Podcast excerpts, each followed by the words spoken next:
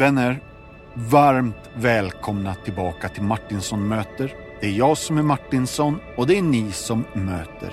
Idag är det Karl Henrik Jaktlund. Mångårig journalist på tidningen Dagen som började skriva viktiga böcker om tvivel och tro. De böckerna har slukats av stora delar unga vuxna inom frikyrkan.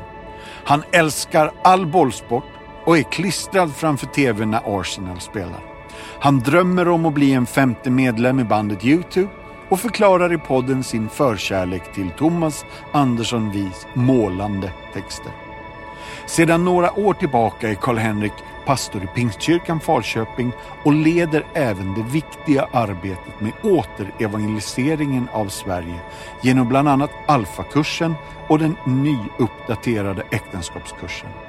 Alfa är ett avgörande arbete som nu utvecklats lavinartat med hundratals nya kurser i en stor ekumenisk bredd genom hela landet. Hans hjärta för en människas resa till tro har ett varmt och vackert och brinnande engagemang som smittar av sig. Karl-Henrik går i sömnen har lagt lakan i frysen, hämtat blommor, lagt dem i sängen. Han har även hängt ner tavlor och ställt dem på udda ställen i huset. Det här får tyvärr ingen förklaring i podden, men det är ändå kul att prata om. Det här är ett heligt och härligt höjdaravsnitt med pingströrelsens svenska svar på Philip Jensen, Karl Henrik Jaktlund.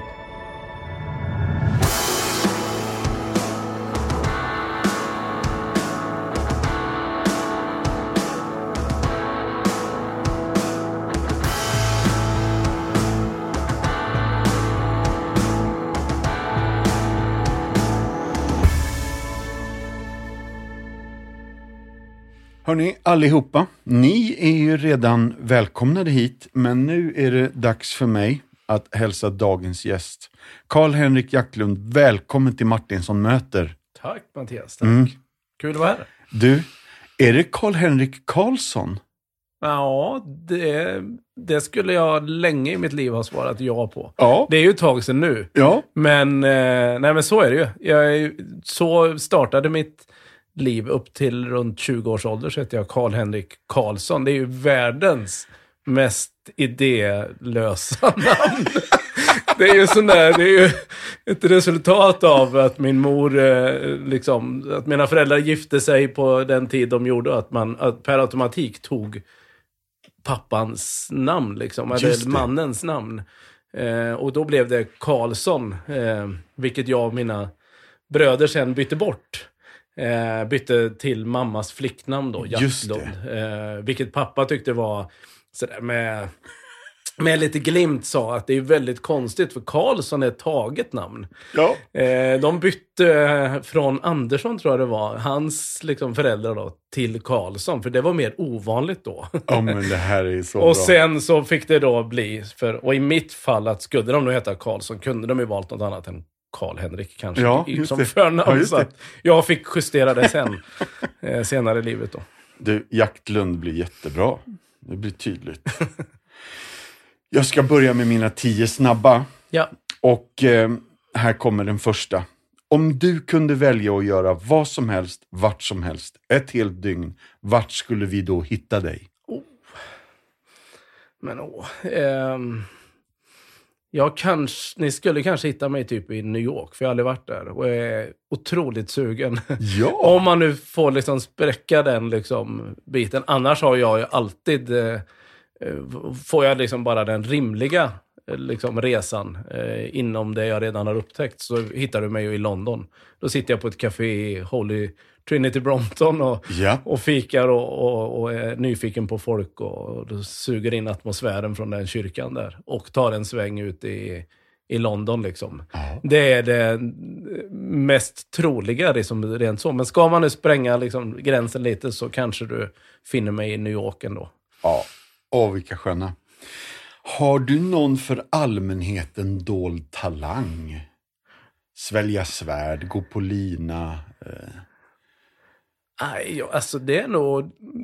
Jag, det mesta ligger nog i liksom öppen, öppen dagar. Kan jag någonting så brukar jag nog se till att försöka visa det.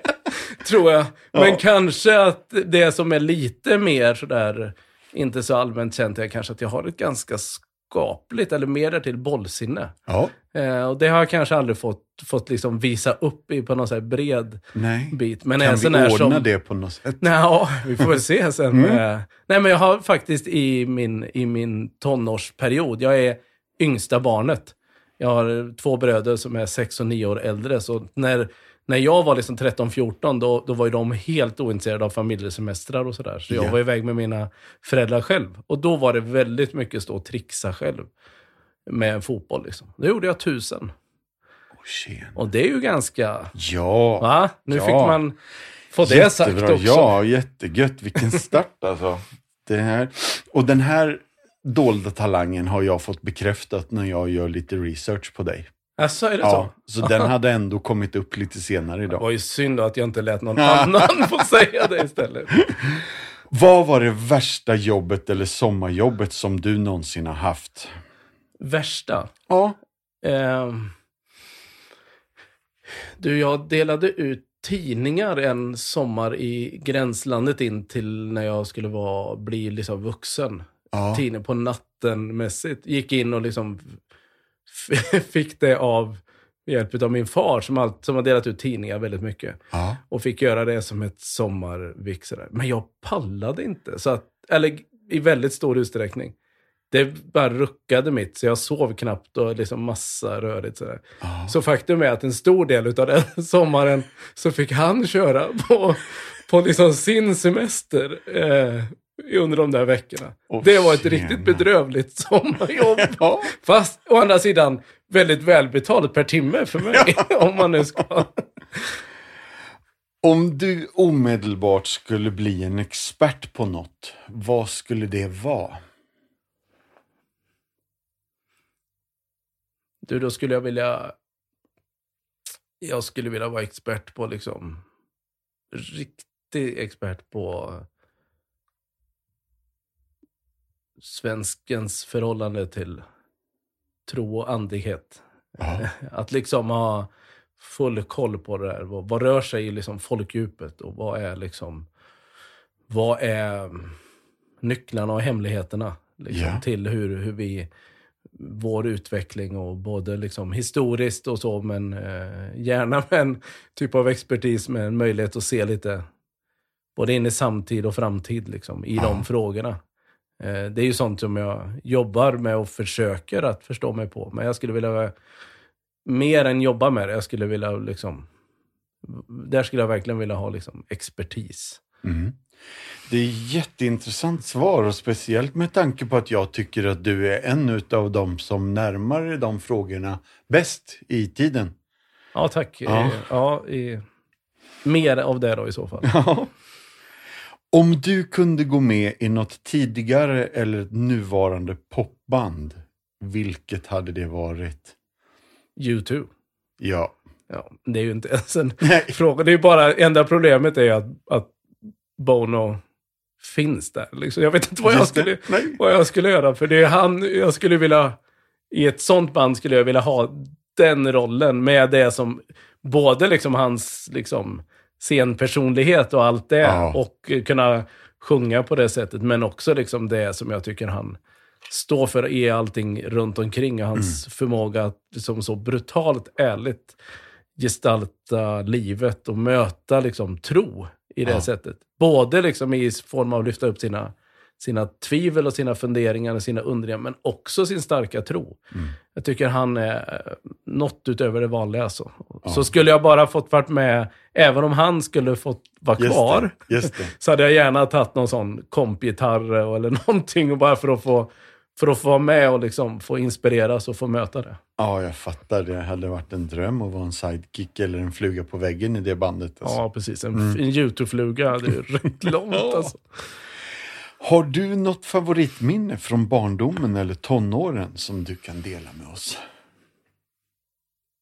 Det som snabbast dyker upp var nog liksom i, det var väldigt mycket liksom kyrka i min uppväxt där. Mm. Eh, och jag var med i ett fantastiskt kompisgäng där vi spelade väldigt mycket drama. Eh, vi hade liksom en dramagrupp som gjorde, vi var med och satte upp musikaler och sånt där i kyrkan. Men vi hade också liksom, som vi spelade drama på liksom så här, Nyhemsveckans tonårsmöten och sådär. Och vi, hade, vi kallade oss dramagruppen Klang och Bjällra. som var...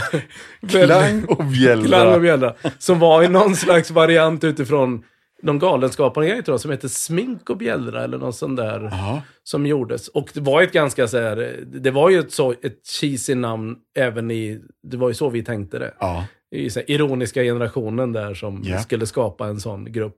Och låtsades som att vi inte tog oss på, på, på så stort allvar. Ja. Men det gjorde vi. Ja. Det kan jag säga. Ja.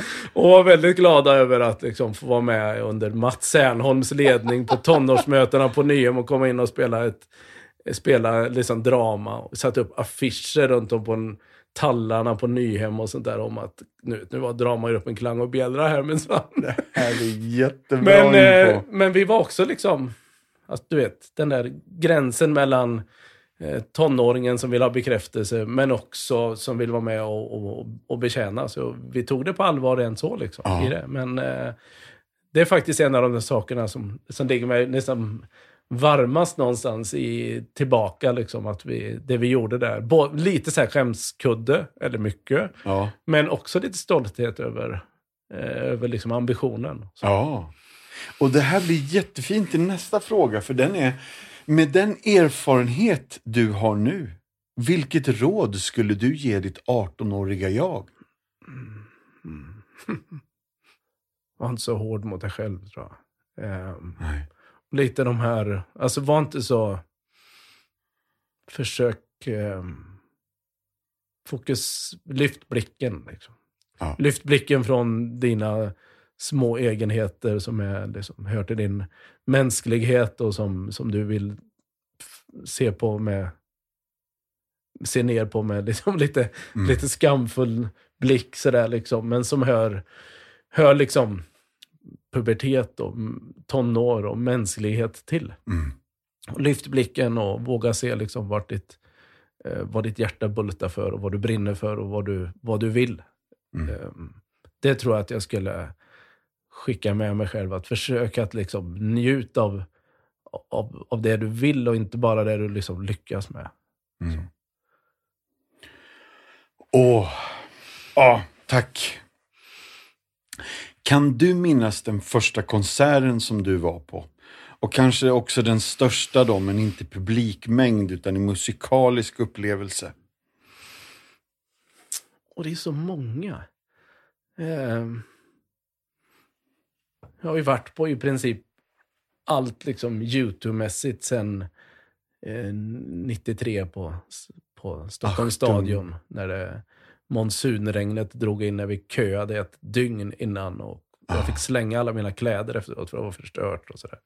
Det, det var ju som en fantastisk maffig, stor verkligen konsertupplevelse på alla sätt. Då. Fast Var det så- Achtung baby? Ja, precis. Zoo TV. Ja, just det. Turnén där. Mm. Den som var liksom efter, eh, efter den första den Globen-turnén, om man säger då. Eh, efter Soropa. Eh, men sen har jag ju många sådana. En av mina stora, liksom, som jag tycker, det är Thomas Andersson Vi i en liten, liksom, sjaskig lokal i Skövde. Mm.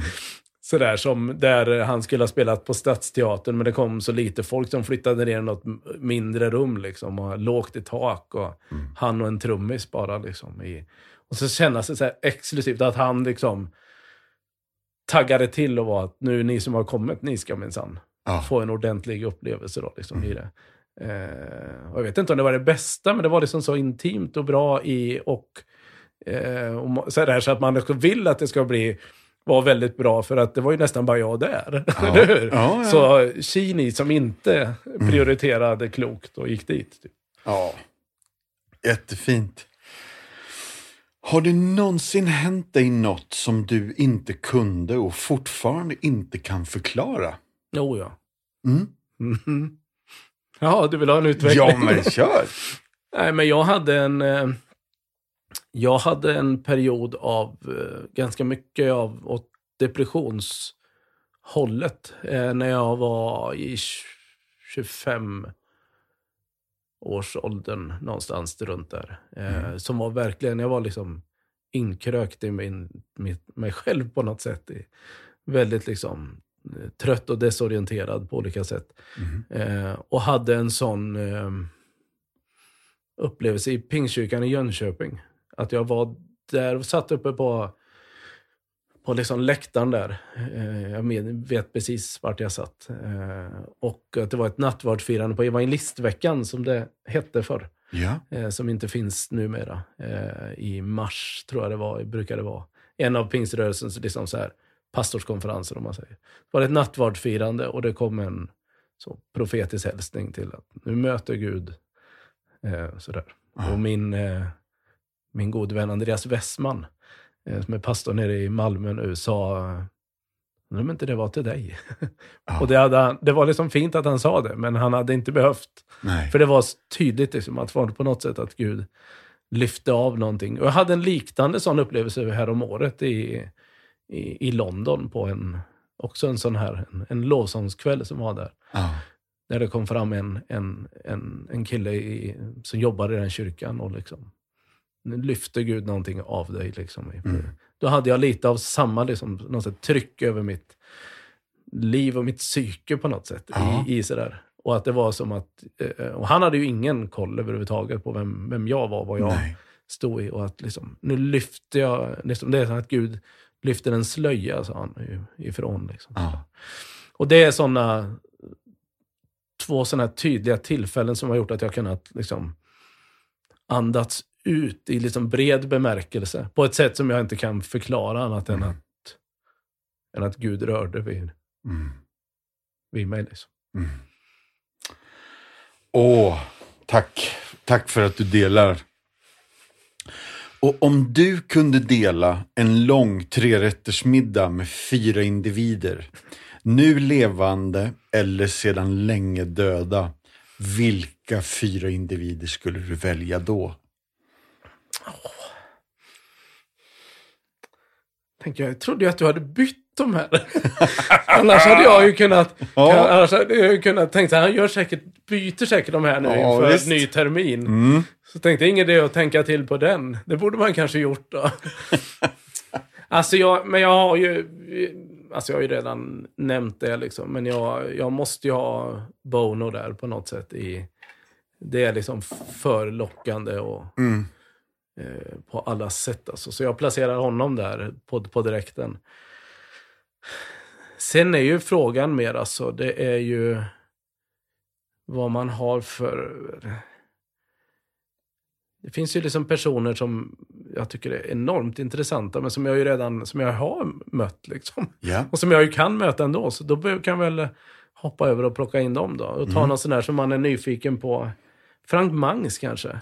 ja! Ehm, Får kidsen googla. Ja, precis. Men hans, jag, alltså hans typ av...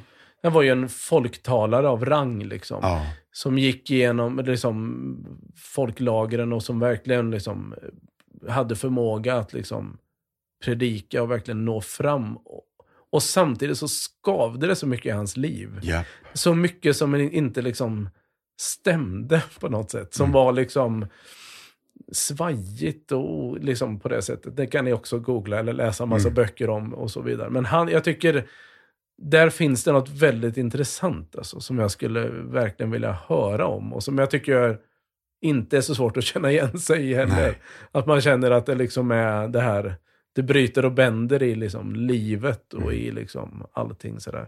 Och han liksom personifierar det på ett väldigt konkret sätt. Så han skulle jag vilja ha med där. Tror jag han och Bono skulle ha en del att snacka om Ja. också. Åh, jättebra. Eh, sen skulle jag nog gärna sätta det för en man som jag har mött, men som jag är oerhört fascinerad av. Philip Yancey.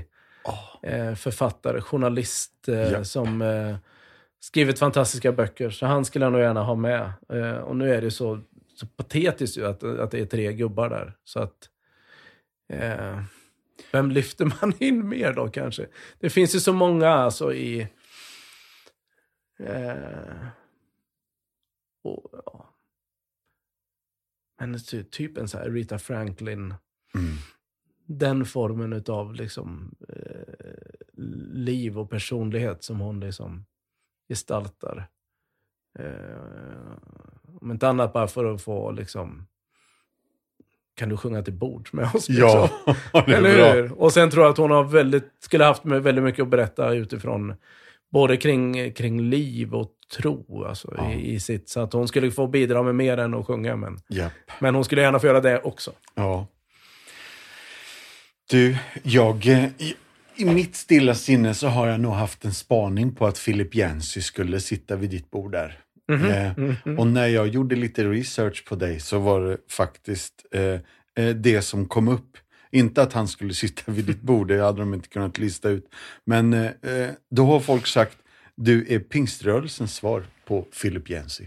Oh, oh, oh, oh. Ja, du. Ja, tänk om så, så vore alltså. Det hade ju varit eh, fint. Men alltså jag, jag skulle inte på något sätt eh, liksom ta de orden i mun, men det ligger ju någonting i det. Nej, men jag förstår ju vad man menar där i den formen utav ändå med liksom utifrån min Ditt författarskap. Ja, mitt författarskap och journalistiska liksom, åren på tidning eh, som har format mig mycket, eller som, som är jag i väldigt mycket. Det sättet att Mm.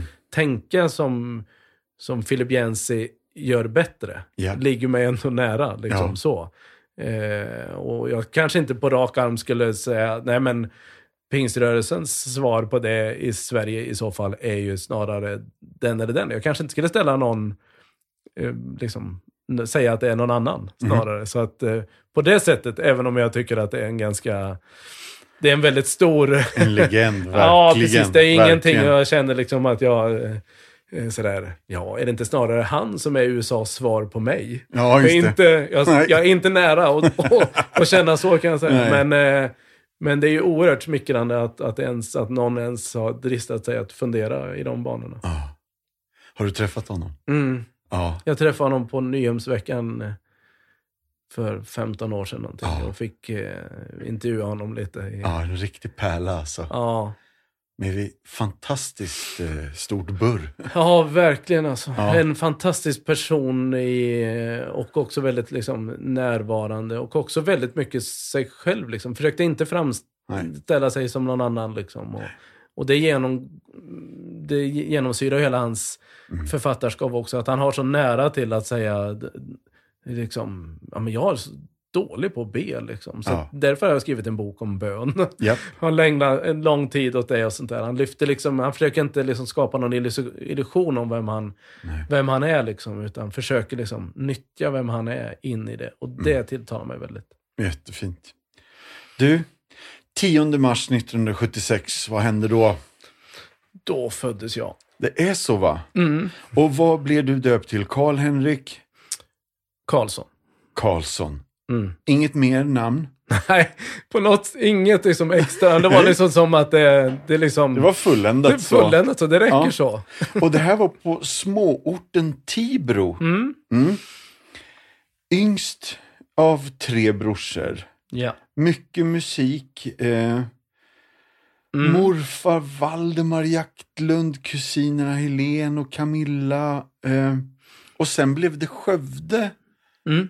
när du var inte jättegammal va? Nej, jag var 12. Jag skulle börja, alltså jag var mitt i årskurs 6. Ja. Och vi, mina föräldrar och jag flyttade och jag hade väl med mig en av mina storebröder också under något halvår eller år. Ja. Han var liksom eh, på väg in i, ut i vuxenlivet så. Ja. Eh, men vi, vi flyttade då ja, så att det blev liksom ett första...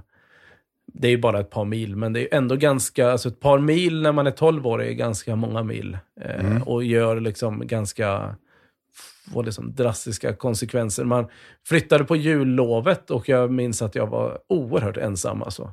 Då. Jag satt på mitt pojkrum och lyssnade på, jag hade spelat in Mauro Scoccos Sara på en hel kassett. Den hade precis släppts. Ja, nu har vi daterat oss lite. Är Ja. det 87 eller 89? Va? Ja, 88 blir det, var som vintern där, precis Ja. där. Ja. Eh, så jag satt och lyssnade liksom på, och liksom på något sätt i, jag vet inte om jag, jag gillade väl låten, men det fanns väl någonting också Ja, i ja. hela den här liksom att, att stå där lite själv och, och, och, och titta på allt annat som pågick. Det. Eh, men det är faktiskt en sån minnesbild som sitter kvar liksom av att försöka ta sig an ett nytt skede av livet men ännu inte ha hunnit lära känna några. Sen gick ju det rätt fort. Mm. När man väl kommer igång med en ny termin och det. allt det liksom. Sådär. Mm. Ja. Och då blev det Pingstkyrkan, tror jag. Mm. På studs.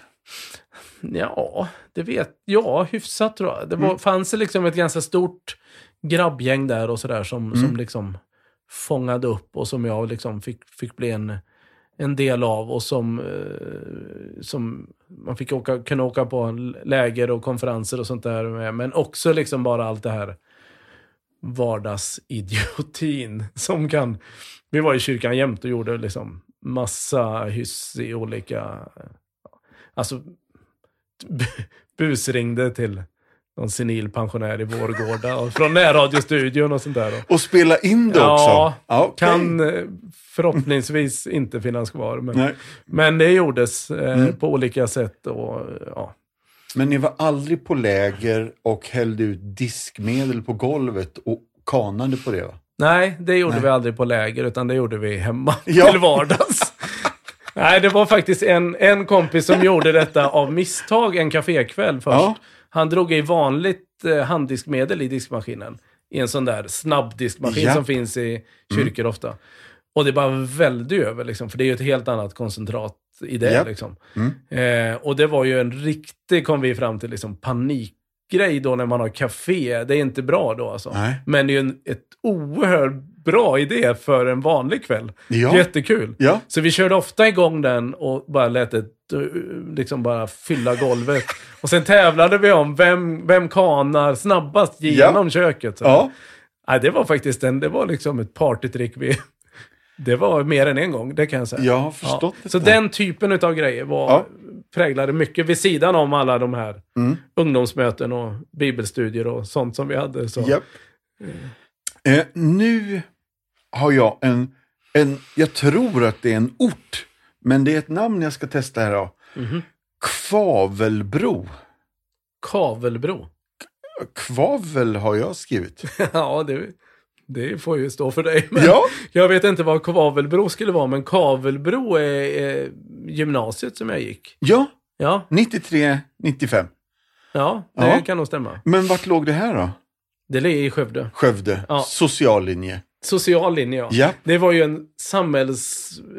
Samhällslinje, alltså samhällskunsk, samhällskunskapsprogrammet fanns det. ja. Eh, och så fanns, men det var treårigt. Mm. Och så fanns det någonting som var liksom bara en sämre variant som heter social linje som man bara behövde gå två år. och jag tänkte perfekt.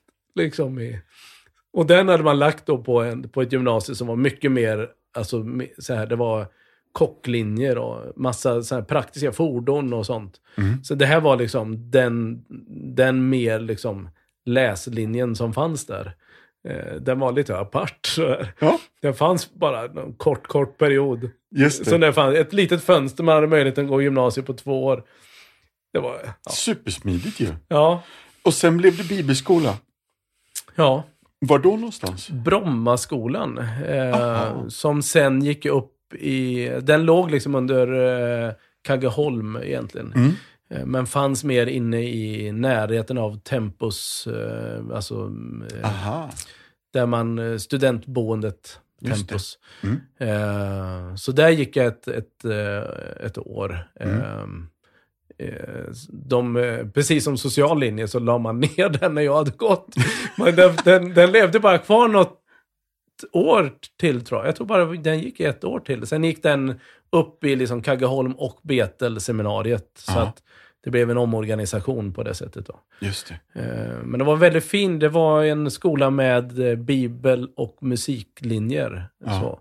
så det var ett väldigt... Jag gick ju där samtidigt som Samuel Mohammad och eh, lite av de här figurerna. Just det. Eh, Så det var, det var en... Det var ett fint år. Mm. Och direkt efter det så uppfattar jag det som att du blev ungdomspastor eller ungdomsledare. Mm. Är det Mullsjö nu då? Mm. Ja. Stämmer. Eh, och sen har jag en notis som inte bara eh, att man glider på diskmedel utan kan det vara så att, att, att man kan någon gång ha råkat välta en husvagn också? Nej. inte välta var väl, tror jag inte. Men, men vi flyttade en husvagn Ja! eh, från, på Segeltorpslägret utanför Mariestad, som är det som Skaraborgsregionens pingstläger. Ja. Då fanns det liksom två, så det fanns en, en stor plan med, där det var en, eh, där killarna sov liksom på ena änden och tjejerna i andra liksom. Och däremellan så var det liksom ett stort eh, intet liksom sådär. Där man kunde gå en autostrada liksom däremellan. Och då tänkte jag, tänk om vi kan flytta en husvagn där uppifrån och så ställer vi den nere vid de andra och så ställer vi dem med dörrarna mot varann. Ja. Så att alla måste hoppa ut genom fönstren. Det blir kul liksom. Ja. Men det var ju liksom en höjdskillnad på liksom, ja, det var ju flera meter. Så Ja. hur flyttar man en sån husvagn utan att det märks? Vi var ju många som försökte så att den inte skulle liksom, det är ju helt Aha. omöjligt. Det är ju Ja. totalt livsfarligt om man tänker, det ligger ju en sjö nedanför där. Japp. Hade vi inte fått liksom stopp på den så hade den ju kunnat rulla över. Det här kan bli väldigt spännande. Men det som hände var ju naturligtvis att några utav de tjejerna inne i den husvagnen vaknade till. Ja. Precis när vi var framme så bestämde de sig för att öppna dörren och se vad som hände. Ja. Och skrapade upp väggen på den andra husvagnen där Åh. som var. Liksom. Så det blev väl inte bara lycka. Det var inte enbart applåder av pappan till den husvagnen som hade fått sin... Nej, men jag kan nästan förstå honom. Jag kan mer än nästan Ja. förstå Ja. honom. Men så gick det till. Men välte en husvagn, det är ju faktiskt... Det ligger i framtiden för mig. ja. Ja, det har jag inte gjort, utan det får vi ta framöver. Du, nu är jag framme vid det som du redan touchade vid, men eh, bollsporter överhuvudtaget är Mm. en stor grej va? Mm. Fotboll, bandy. Har det varit något SM barngolf? Ja, inte SM. Jag tror bara att jag nådde och spelade på DM-nivå på liksom Västra Ah. Götaland. Mm. Så. Men jag vann det Mm. I min ålders... Ja, men det är viktigt att vinna. ja, ja, det är det. ja. Det är ju liksom viktigt att delta först, men man deltar ju för att vinna. Japp. Eller hur? Ja. Alltså, I den typen av sammanhang gör man ju det. Ehm, så det har jag spelade jag under tonåren till viss del. Annars var det mest innebandy och fotboll sådär. ja. Men barngolfen är ju faktiskt... Sanden tänker jag inte på så, så ofta, men... Nej. Och sen ehm, journalistskor, höll jag på att säga. Jag vet inte vad det heter, men det är på Södra Vätterbygdens folkhögskola. Ja, Början av 2000-talet va? ja precis. Och sen dagenpraktik. Mm. Eh, och sen en vakans på dagen. Och sen fast tjänst på dagen. Mm. Det är ganska raska. Ja, det var ganska raska steg. Jag gjorde Ja. min tre månaders praktik på, på dagen och fick sen ett sommarvik och sen liksom ett fortsatt. Eh, och under en period var det faktiskt så att eh, i det första där att det fanns ingen det fanns ingen, i det första läget så skapades det en tillfällig, det fanns ingen utrymme. Aha. Men att man ville ha, att det fanns en sån önskan ifrån Ja. nyhets eller från tidningslednings på något sätt. Att försöka få mig att dröja kvar på något sätt. Liksom. Så, eh, ja, det funkade väldigt. Det var väldigt... Det fanns en sån liksom... Eh, både att jag liksom hade då pluggade journalistiken men också hade jobbat i församling i fem år. Ja. Och i det så hände ju någonting som, eh, som var väldigt liksom användbart i att kunna både ha ett kontaktnät men också liksom en närhet och en blick för de frågorna Ja. som var. Som funkade väldigt väl i ens på direkten. Och det var det man såg och kände att det här kan vi nog kanske dröja kvar vid lite och se om det, om det liksom kan bli bra även i, i längden. Så, Mm. så att, eh, ja, jag hankade mig fram där. Och det får vi verkligen säga, när, vi, när du säger dröjer kvar så är ju det ett understatement. För från 2003 till 2017 så var ju det här din huvudsyssla, journalist på dagen. Ja, Samtidigt som du skriver åtminstone tre av de fyra, nej du är alla fyra va? ja. Under den här resan. Den, en av böckerna är ju egentligen en, eh, en samling av krönikor i, från tidningen Dagen. Just så det. att den är ju, Ja. ja, den kom väl precis efter tror jag, men är ju verkligen helt beroende av skrivandet i Dagen. ja. Ja, precis. Nej, Mm. det var en väldigt eh, lång och en tid som verkligen har präglat mig och som liksom som jag alltid kommer bära med mig. Liksom, som Ja. alltid kommer vara en stor del av mig tror jag. Eh, i det. Eh, I formandet av mig liksom och i utloppet från mig på något sätt i det. Ja. Det var en väldigt kreativ tid på många sätt. Expansiv Mm. tid liksom så. Mm. Fick testa väldigt många roller på tidningen. Mm. Och även, även då vid sidan om det i och med att jag ju både var liksom journalist och liksom släppte fram och lyssnade in vad andra tyckte och tänkte. Men också klev fram i eget tyckande och tänkande i, i och med böcker eh, och på det sättet. Då. Vilket gjorde också att jag hamnade i någon slags både liksom reporter och liksom drog åt krönikör. Ett tag var det man inte visste vad man skulle ha mig riktigt. Det. liksom. Eh, man både liksom ville ha med intervjubiten och men kanske även liksom på den här andra avdelningen här och, och liksom eh, det blev liksom konstigt också när man skriver och, och är runt och talar och så vidare själv men, eh, men inte kan släppa fram den egna rösten i tidningen. Liksom. Så, vi, så ett tag så gjorde jag, försökte hitta liksom en lite både och och sen så tippade det över och blev mer av krönikör och ledarskribenter de sista åren på, på tidningen. Mm. Vad vi inte har nämnt nu är ju att eh, eh, maj 2000 så är det dags för bröllop va? Mm. Elise, när kom hon in i bilden? Hon kom in i bilden, igen. alltså vi träffades och liksom kände till varandra under tonårs, så här tonårsläger. Hon är från Mullsjö och jag från Skövde. Liksom. Eh, så vi hade ju, vi visste om varandra men hade Mm. liksom aldrig så vi umgicks, liksom, vi fanns i lite olika gäng sådär liksom. Eh, men eh, sen var det ju mer också när, när jag började jobba i Mullsjö.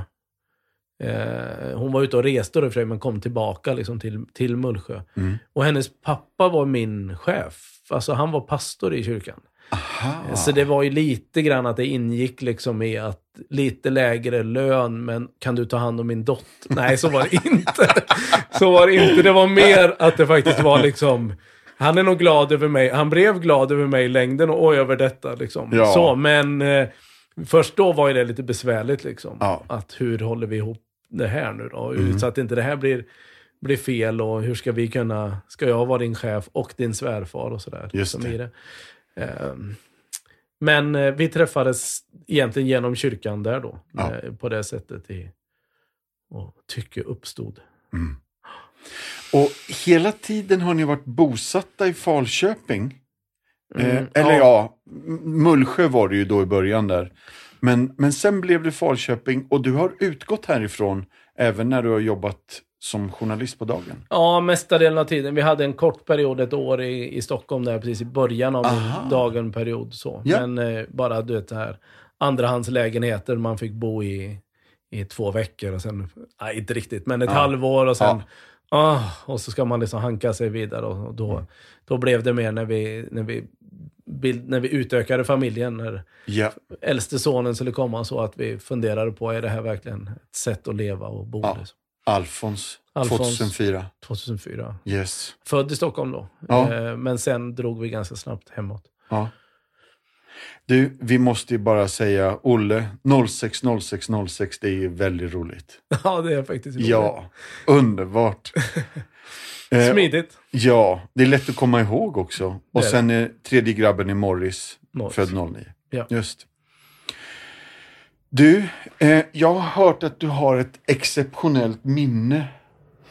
Eh, men jag undrar det här med, kan du bara kommentera detta med att lägga lakan i frysen fast man kanske inte ens är vaken?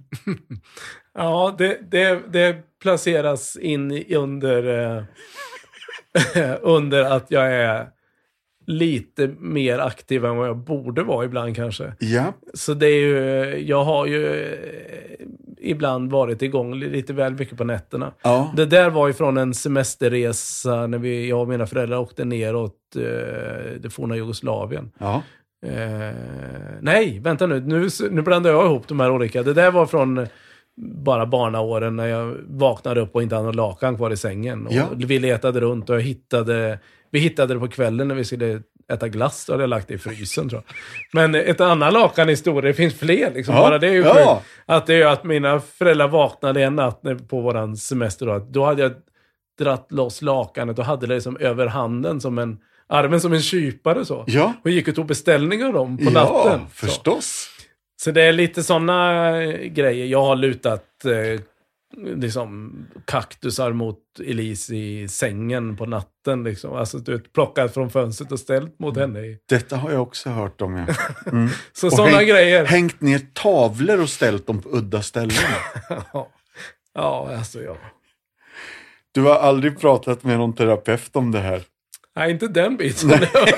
Jag har inte kommit dit än. Ja, jättegött. Vet du, ehm, vet du vad, vad, vad jag tror är ditt favoritcitat?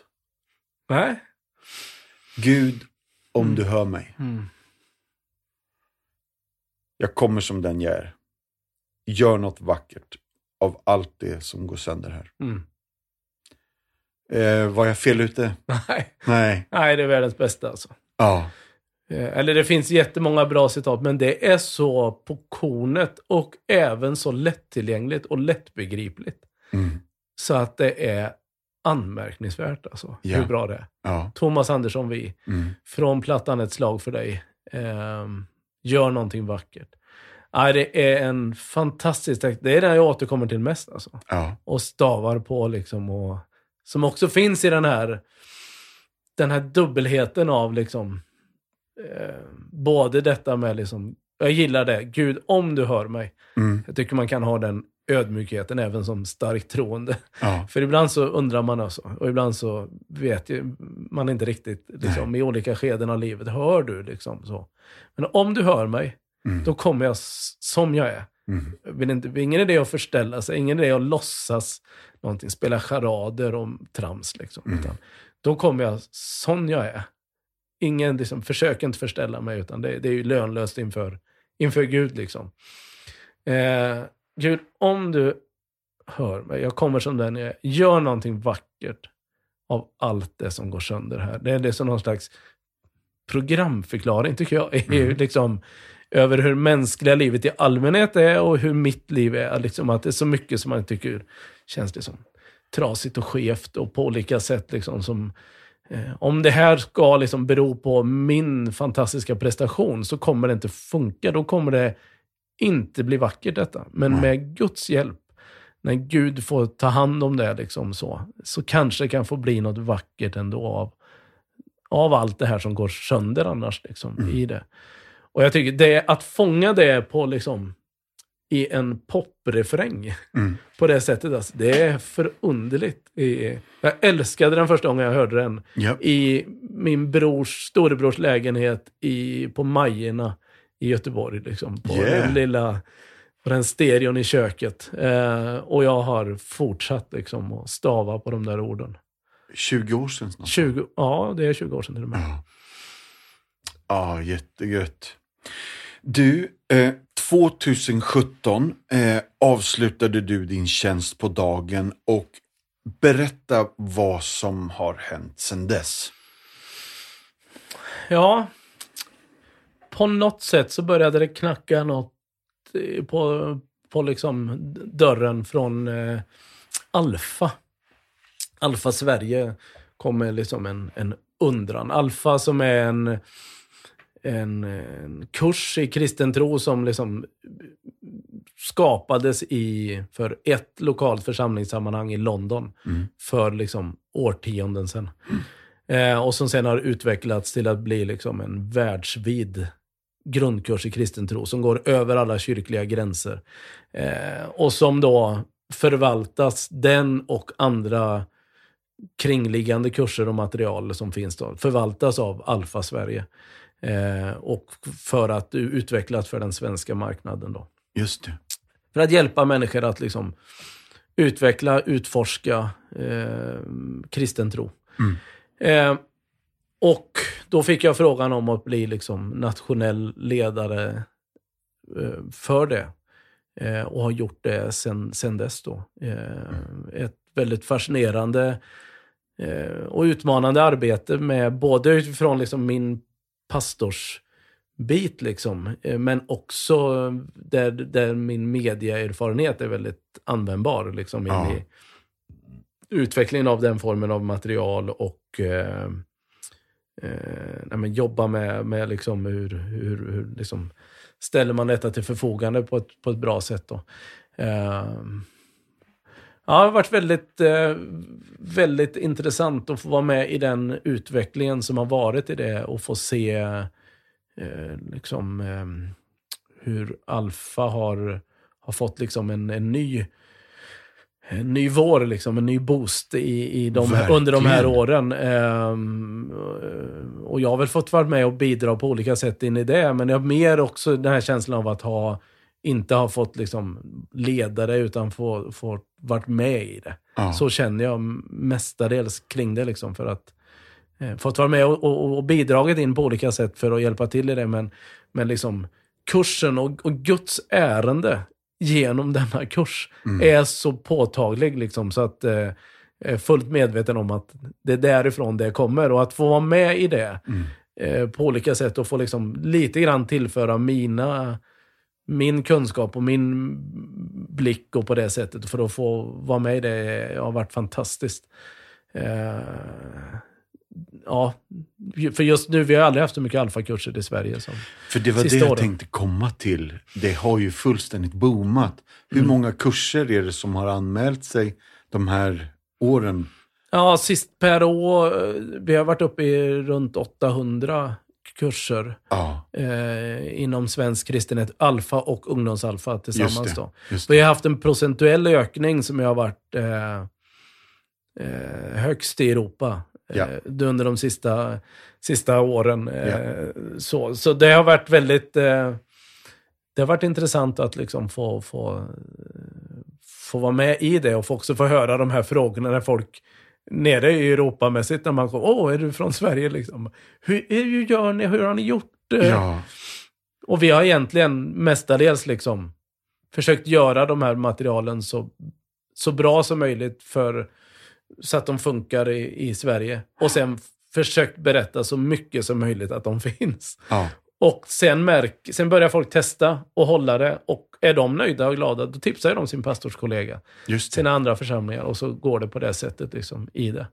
Eh, så att, ganska enkla hemligheter egentligen. Ja. Rent så. Och att Gud, att det finns, jag tror att det finns någonting extra, extra i, i den svenska kynnet och tiden som lirar helt perfekt med alfa. Just det. Ska jag berätta det? Eller Ja, men ska jag kör. inte göra det? Kör! Nej, men det finns, jag, jag lyssnade på David Turfjell för några år sedan, Yes. som har skrivit liksom... Och vem är David bara? nämnde? Ja, han, vad är han då? Han är religions... Ja. Vad är han då? Ja, han jobbar i alla fall med religionsfrågor på, eller religionsvetare eller Mm. någonting åt det hållet. Som har skrivit bland annat Det gudlösa folket, tror jag den heter Ja. va? Och skrivit om svenskens förhållande till, till Gud. Och jag var lyssnade till honom eh, en gång när han pratade om att ja, men det där är ju en definitionsfråga. Och så tydliggjorde han att eh, när man har ställt frågor till alla liksom, länder i EU, till, liksom, han har gjort en sån statistisk undersökning, på, a- på liksom alla livets områden. Och när man frågar kring religion, då kommer frågan liksom, finns Gud? Och då svarar väldigt få svenskar ja. Eh, färre än i något annat land. Liksom, sådär. Ja. Och då slår man då fast, ja men Sverige, där tror vi inte på Gud. Supersekulariserat. Ja, visst. Precis. Och, men då konstaterar han att det finns en annan fråga som han ställde också. Och det är, Mm. tror du på Gud? Och då är det liksom, istället för att vara liksom de här 20 procenten som säger ja på finns Gud, då är det 40 procent som svarar ja. Ja. Och då blir det en liten här, jaha, det var ju konstigt liksom. Ska man tro då på en Gud som man menar inte finns? Mm. Men det handlar ju där om, finns Gud? Vet du det? Ja. Tror du att Gud finns? Det är liksom en ödmjukare, lite mer allmän, lite mer sådär. Men jag kan inte säga att jag vet det, men jag tror det. Och sen kommer det en tredje fråga som är, tror du att det finns en högre makt? Mm. Och då var det 57 procent, tror jag eller 59 procent som svarade ja, svenskar. Och det är högst i EU.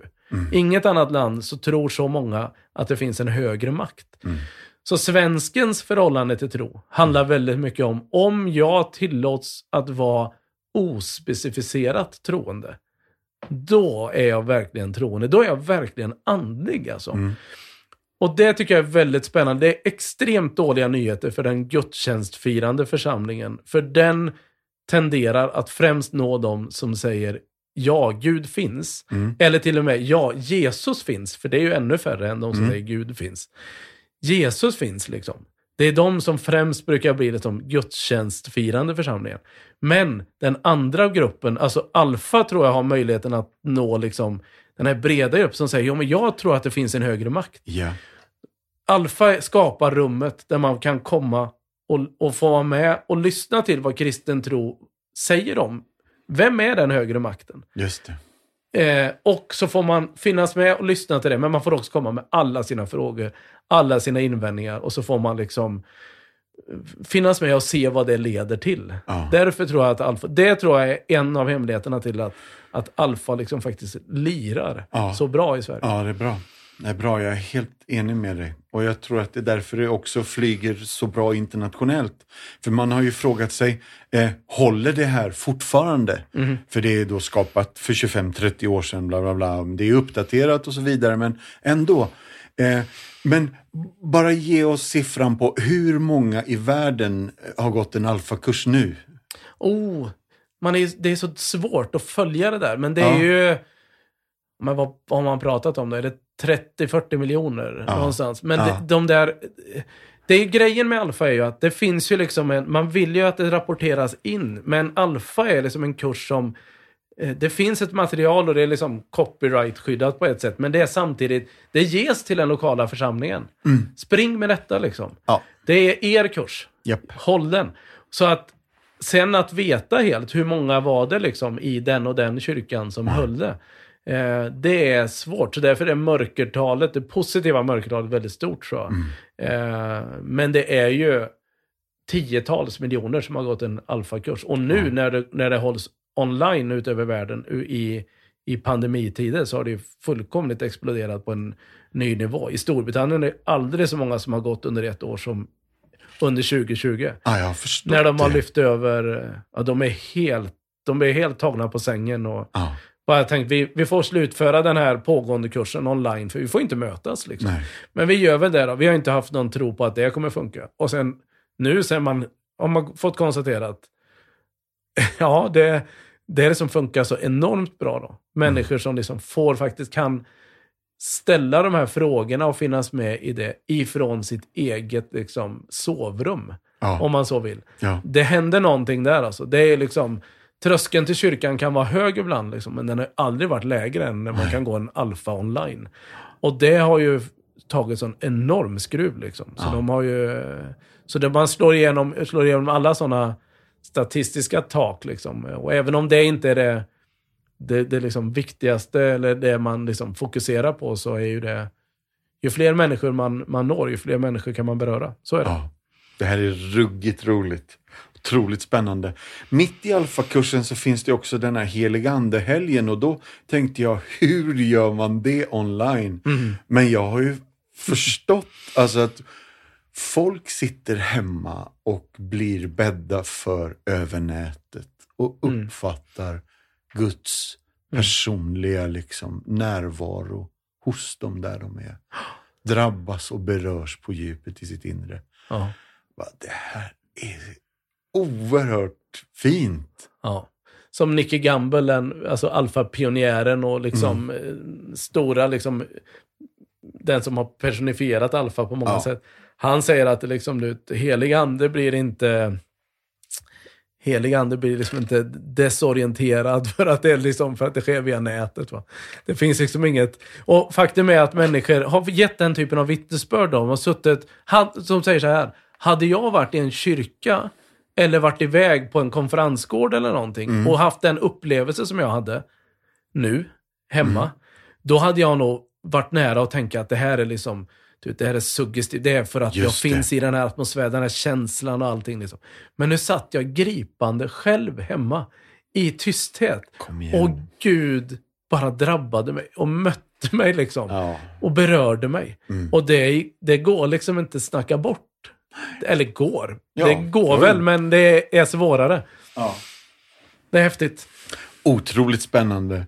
Du, ärligt talat så skulle vi kunna fortsätta det här samtalet hur länge som helst. Men vi ska snart gå ner för landning. Ja. Innan vi gör det så skulle jag vilja eh, göra en presentation och läsa en berättelse om vad Compassion gör ute i fält. Eh, och när jag har gjort den så får du gärna kommentera berättelsen eller vi bara pratar lite grann om Bonos favoritämne här ett tag. Um, rubriken på det jag vill uh, läsa nu är Sukat och alla hans grisar. Tio år gamla Sukat har en mamma som heter Dogrigor och hon har alltid längtat efter att ha en stabil inkomst. Hennes dröm är att stötta sina barn så att de kan få en bra utbildning för att säkra en ljusare framtid. Men hennes dröm har nästan alltid varit utom räckhåll. Att leva i fattigdom som en arbetare med låg inkomst eh, har gjort att hon inte ens kan tillgodose sina barns grundläggande behov, så som hon önskar. För ett år sedan fick då Gregor dock hjälp från Compassion att starta en grisfarm med två smågrisar. Men innan hon lyckats stabilisera sin gård så dog en av hennes söner, Sukats bror. Han dog plötsligt av diabetes och lämnade hela familjen i stor sorg. När vi upptäckte att Sukats bror hade diabetes så sålde vi allt vi hade. Det kändes omöjligt för oss att börja om igen efter hans död, säger hon. Jag kom ihåg att jag tänkte ta ett lån för att starta grisgård igen, men jag visste att jag inte skulle kunna betala tillbaka det i tid. Dogregor kände sig besegrad, hon övervägde möjligheten att låna pengar från en olaglig lånhandlare. Eh, Eh, låntagaren betalar ju sin lån under en längre tid men med extremt höga räntor och då är de fångade i en skuldcykel. Och det gick ju bara inte, sa hon. Jag visste att jag inte skulle kunna återbetala skulden och då skulle jag satt mina barns liv i fara om jag hade tagit lånet. Compassion-centret är medvetna om de illegala lånhandlarna som tömmer redan fattiga människor och ytterst då samhället på ekonomin.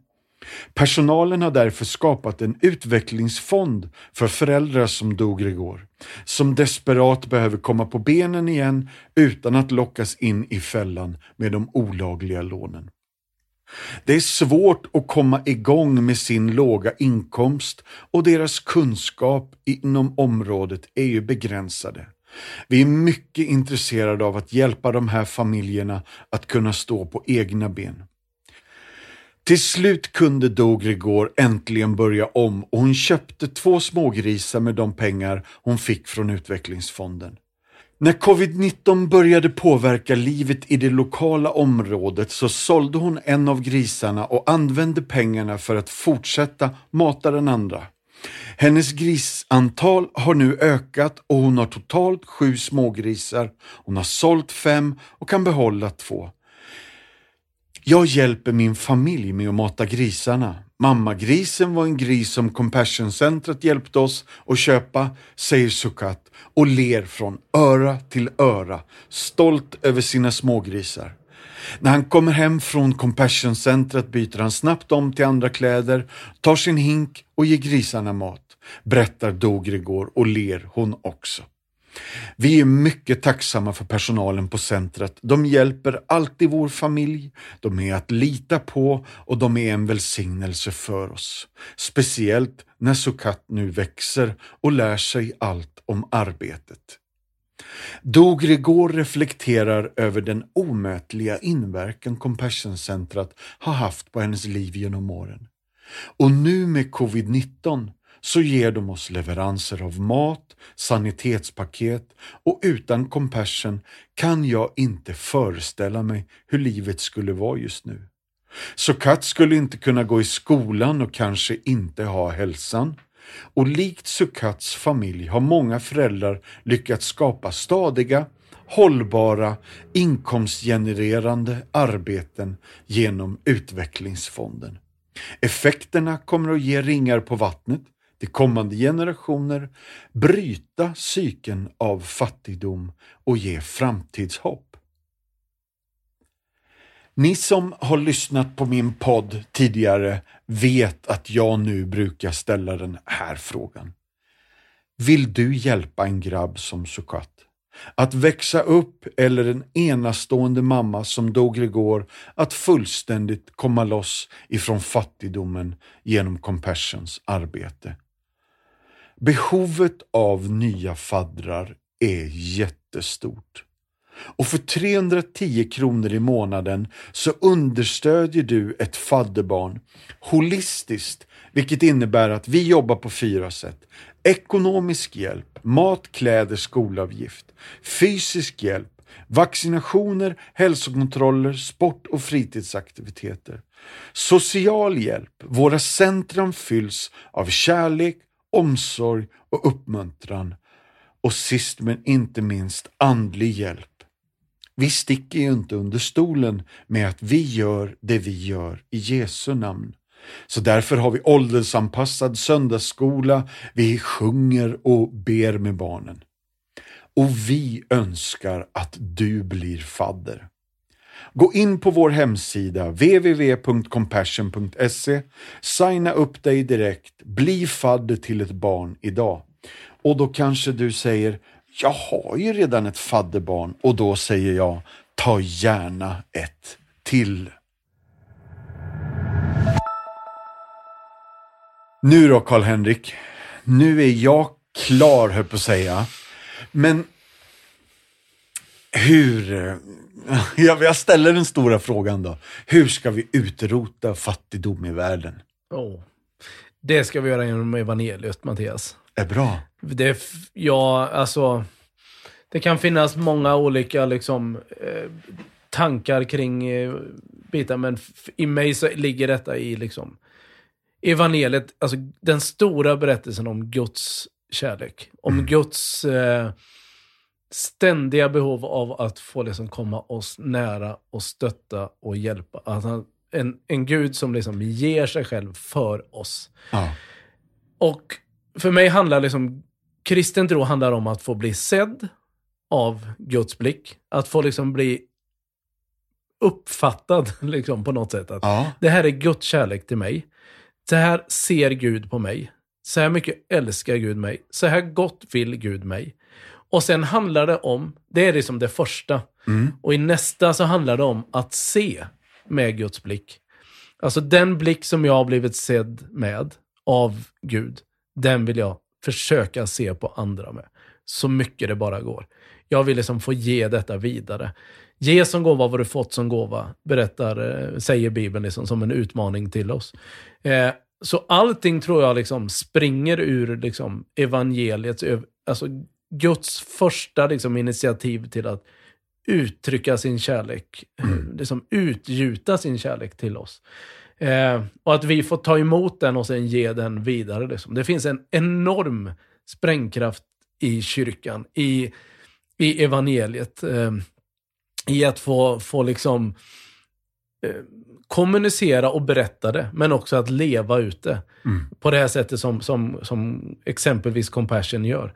Eh, och, och den dag liksom, alltså, ingenting hotar det mer än när, när liksom kristna och kyrkor på olika sätt ska hamna i interna debatter och på olika sätt. Och så. Yeah. Utan det, sånt har sin, sin plats, men det får så lätt liksom överhanden. Och, och, och liksom de här bitarna som, som nästan är viktiga. Mm. Eh, mm. riskerar mm. att hamna i vägen för liksom vad som är viktigast. Därför måste man hela tiden vaka över detta, över att, att liksom få tillvarata den skatt som Gud har, har gett till oss. Nämligen nyckeln till liksom Guds hjärta och nyckeln till liksom eh, till människans värde.